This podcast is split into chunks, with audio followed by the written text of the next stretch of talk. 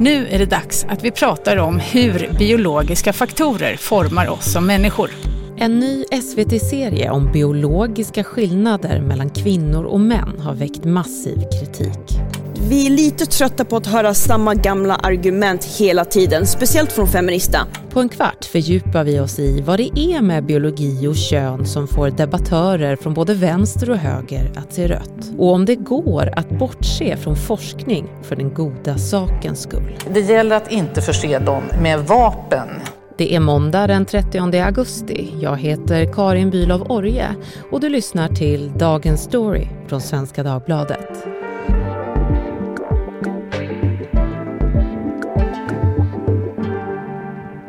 Elsa Westerstad, idé och samtidsredaktör på SvD. Berätta om det här programmet, Från savannen till Tinder heter det. Jo, det är så att Belinda Olsson försöker med hjälp av hjärnforskaren Marcus Heilig att reda ut om det finns biologiska skillnader mellan könen. Jag vill ta reda på om det finns något arv från savannen som påverkar våra moderna liv idag det som är våra könsroller helt enkelt. Och det är ju något som Belinda Olsson och många feminister med henne länge såg som helt otänkbart. Eftersom vi blivit skolade i att alla könsroller, alltså skillnader mellan män och kvinnor, är sociala konstruktioner. Något vi har lärt oss genom samhällets normer, fördomar och förväntningar. Vi har socialiserats in i de här rollerna. Och nu försöker man då se om det finns andra faktorer, biologiska faktorer, som kan spela in. Men du skriver i en krönika att den här serien blottar hur feminister har blundat för fakta för den goda sakens skull. Förklara gärna hur du menar. Jo, men det vi ser i Blinda Olssons program eh, tycker jag är väldigt spännande. För det som händer är att det blir väldigt tydligt att de som är kritiska mot biologin, eller biologiska faktorer, de avfärdar inte de här faktorerna för att de inte tror på dem. Utan för att de inte gillar idén. De är alltså rädda för vad den kunskapen ska användas till. Det blir väldigt tydligt. Biologen Agnes Wold till exempel, hon säger att vi inte ska hålla på och prata om de här biologiska skillnaderna. Inte för att det inte finns skillnader, utan för att de historiskt har utnyttjats för att hålla tillbaka kvinnorna. Hon säger det så uttryckligen, det har ingenting att göra med huruvida vi är olika eller inte. Det är ett otroligt farligt vapen, eh, särarten. Det har ingenting att göra med huruvida det är olika eller lika. Men så fort du sätter det vapnet i handen på dem så kommer de använda det direkt. Och det är det som är väldigt spännande. Och I programmet så försöker man till exempel också förstå varför killar halkar efter så enormt i skolan. När man har skalat bort socioekonomiska faktorer, föräldrars utbildningsnivå och så vidare. Och då pratar man med Mia Heikkilä.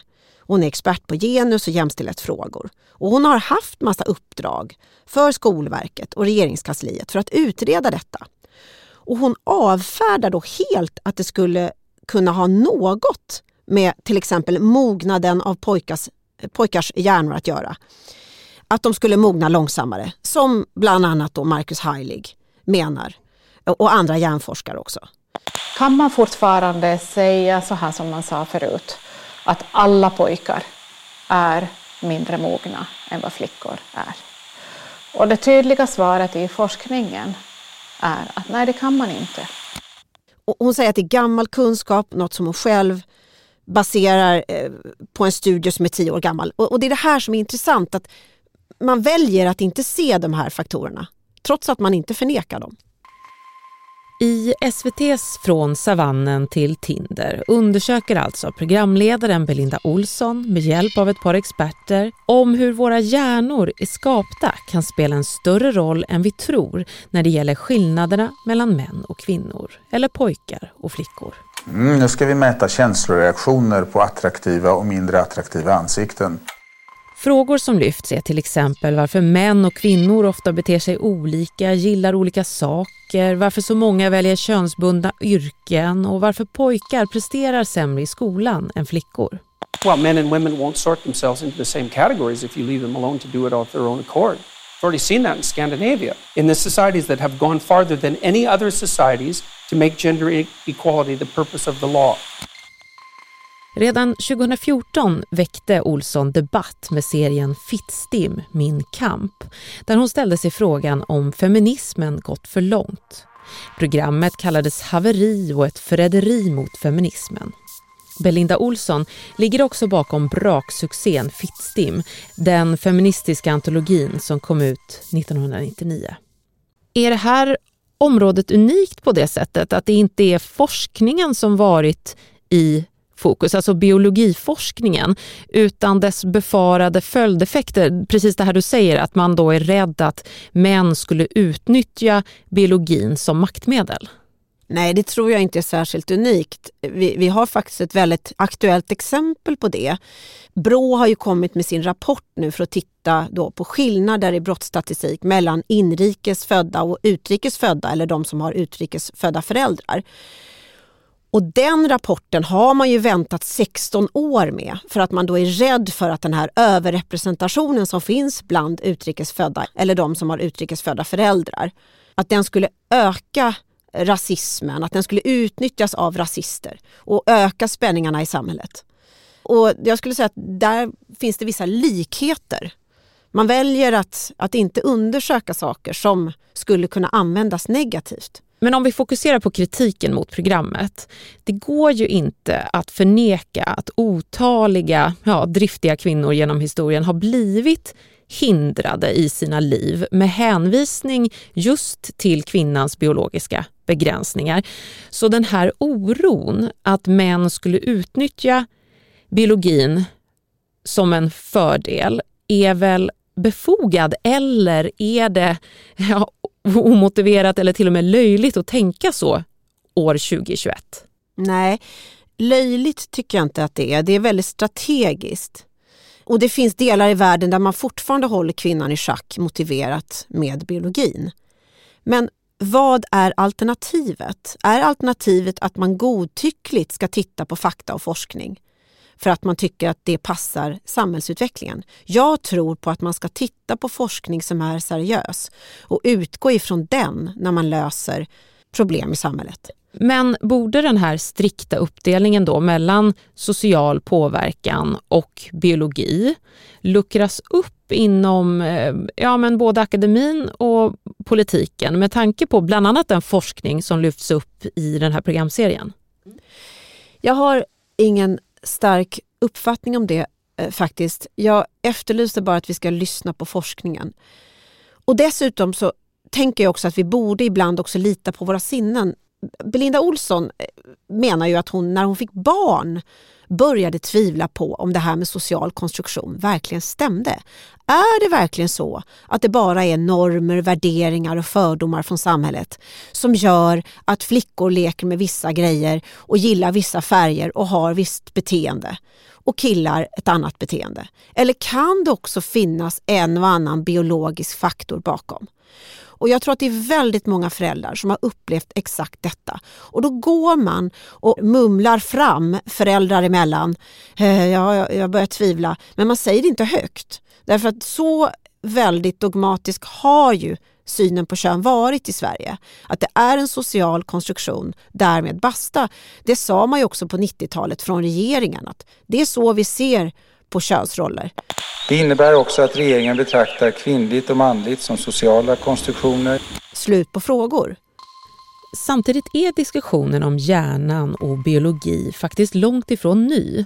Till exempel skapade boken Könet sitter i hjärnan av Annika Dahlström som är professor emerita i histologi debatt när den släpptes redan för 20 år sedan. Det här är ju en eh, modell av den mänskliga hjärnan som ni ser. Och sedan millennieskiftet har allt fler lärosäten inkluderat den biologiska aspekten i sin genusforskning. Men just nu är det alltså ett tv-program som tagit upp tråden och som dissas av debattörer från både höger och vänster. Författaren och feministen Maria Sveland beskriver hur serien slår fast könskonservativa så kallade sanningar.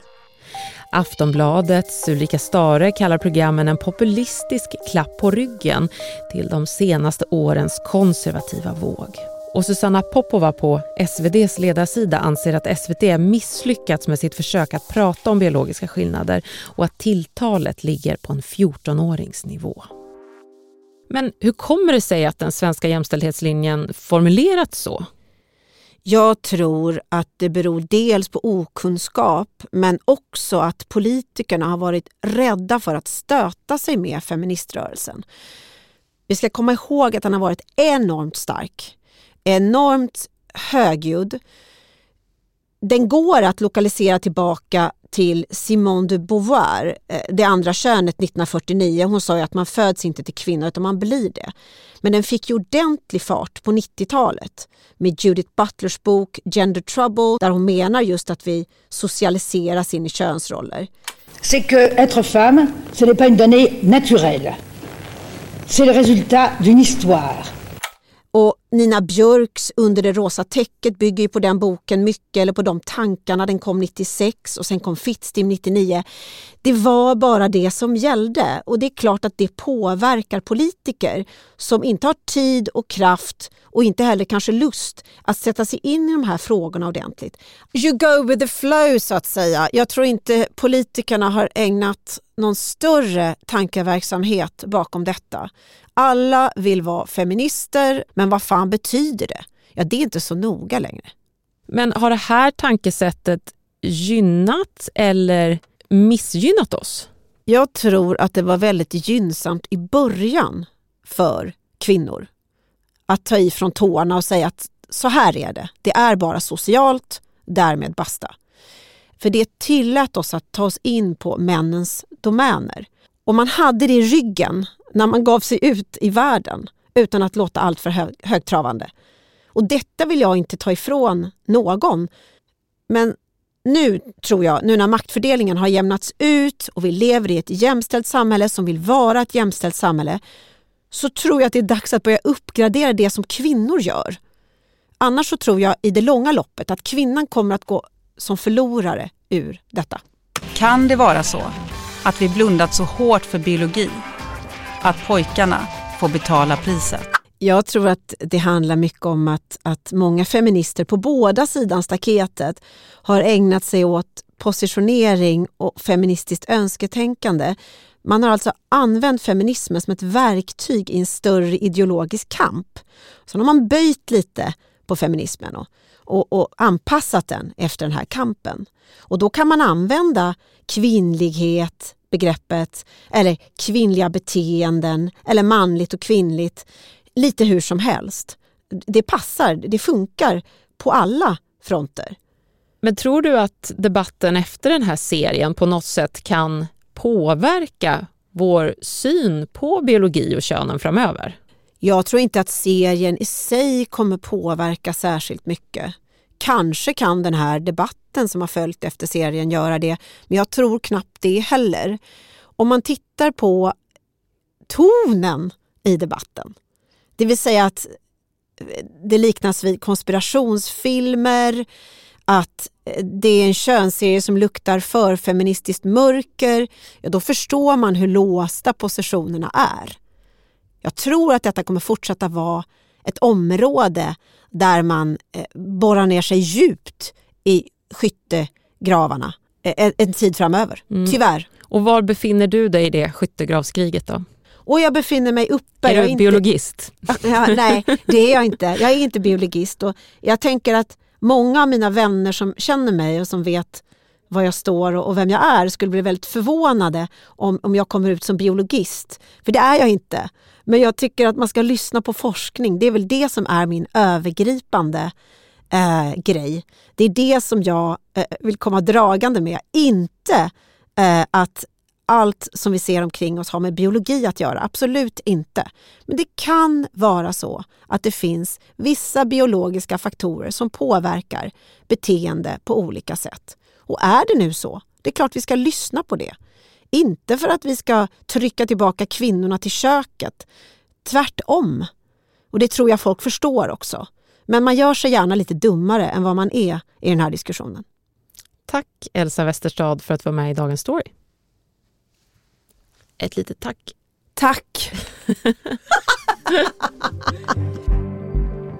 Dagens program klipptes av Lasse Edfast, redaktör var Maria Gelmini och jag heter Karin Bülow Orje.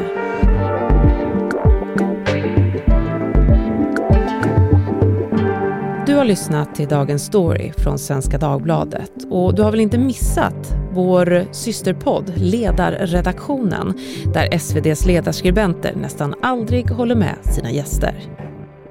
Vill du komma i kontakt med oss så mejla till dagensstory.svd.se.